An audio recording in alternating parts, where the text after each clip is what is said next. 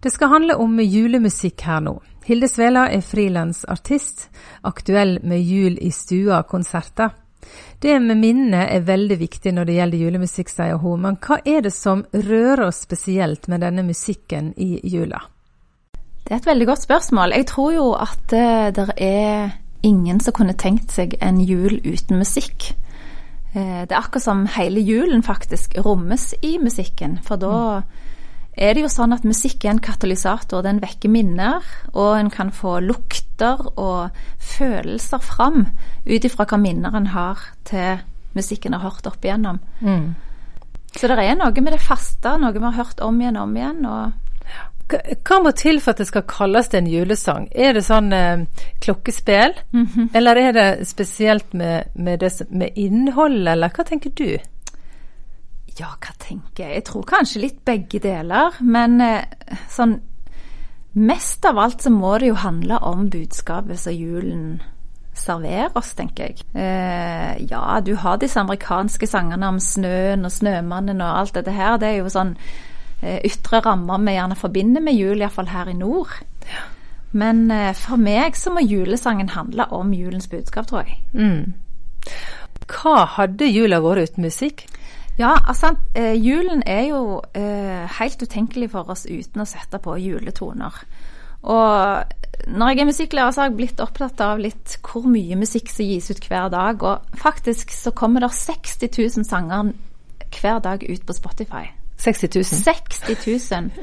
Og for meg så er det nesten blitt litt vanskelig å gå inn og finne fram på Spotify. Ja. Derfor er det fantastisk gjerne å få lov å høre disse spillelistene som folk deler. Mm. Og det er umulig å finne fram.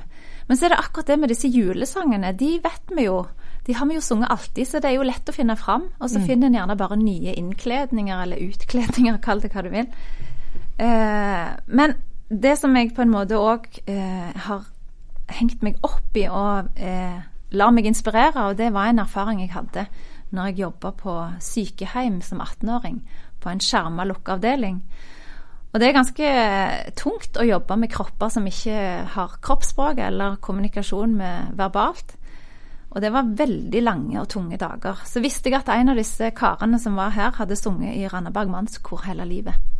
Så tenkte jeg at jeg iallfall kunne gjøre eh, dagen litt lysere for meg sjøl, så jeg tok fram salmeboka og satt meg ned ved sida av han.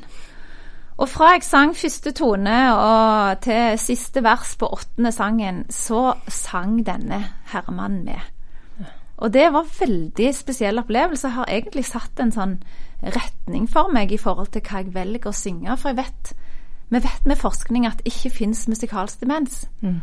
Derfor er det så utrolig viktig hva jeg hører, og hvor, eh, hva sanger jeg på en måte da lar meg eh, Får lov å bo i meg. Mm. Så sånn sett er det jo fantastisk at så mange i Norge kan julesanger som inneholder julens budskap. Eh, og jeg pleier ofte å spørre på konsertene hva har du lyst til å synge på heimen den dagen du blir dement. Mm. Det er jo det jeg lærer meg i dag, eller det jeg har fått med meg i barndom, eller sånn. Så derfor så er det så viktig å velge seg julesanger som, som gir litt retning. For jeg tror vi kan bruke musikken i denne desembertida til å rydde vei inni oss for hva jula handler om. Mm. Sånn at vi liksom ikke mister det av syne, at vi kommer helt inn til krybba. Eh, og ikke glemmer det oppi alt som er tradisjoner og, og ting som vi forventer skal være mm. i juletida. Det handler om julens budskap. Du mm. jobber jo da som frilansmusiker utenom, utenom, at du òg er lærer. Og disse vekene, adventsvekene så har du i lag med Christian Lie Bjellands på piano noe som heter Stuekonsert. Ja, vi reiser på en liten eh, jul i stue-turné, men det er i samarbeid med en fadderorganisasjon som heter Compassion. Ja. Så vi tilbyr en gratis stuekonsert hjemme hos folk. Eh, og så inviterer de gjester. Og jeg syns det er enormt givende å snu litt på det her julekonsertkarusellen, der eh, jeg syns kanskje at julekonserter er litt for dyrt.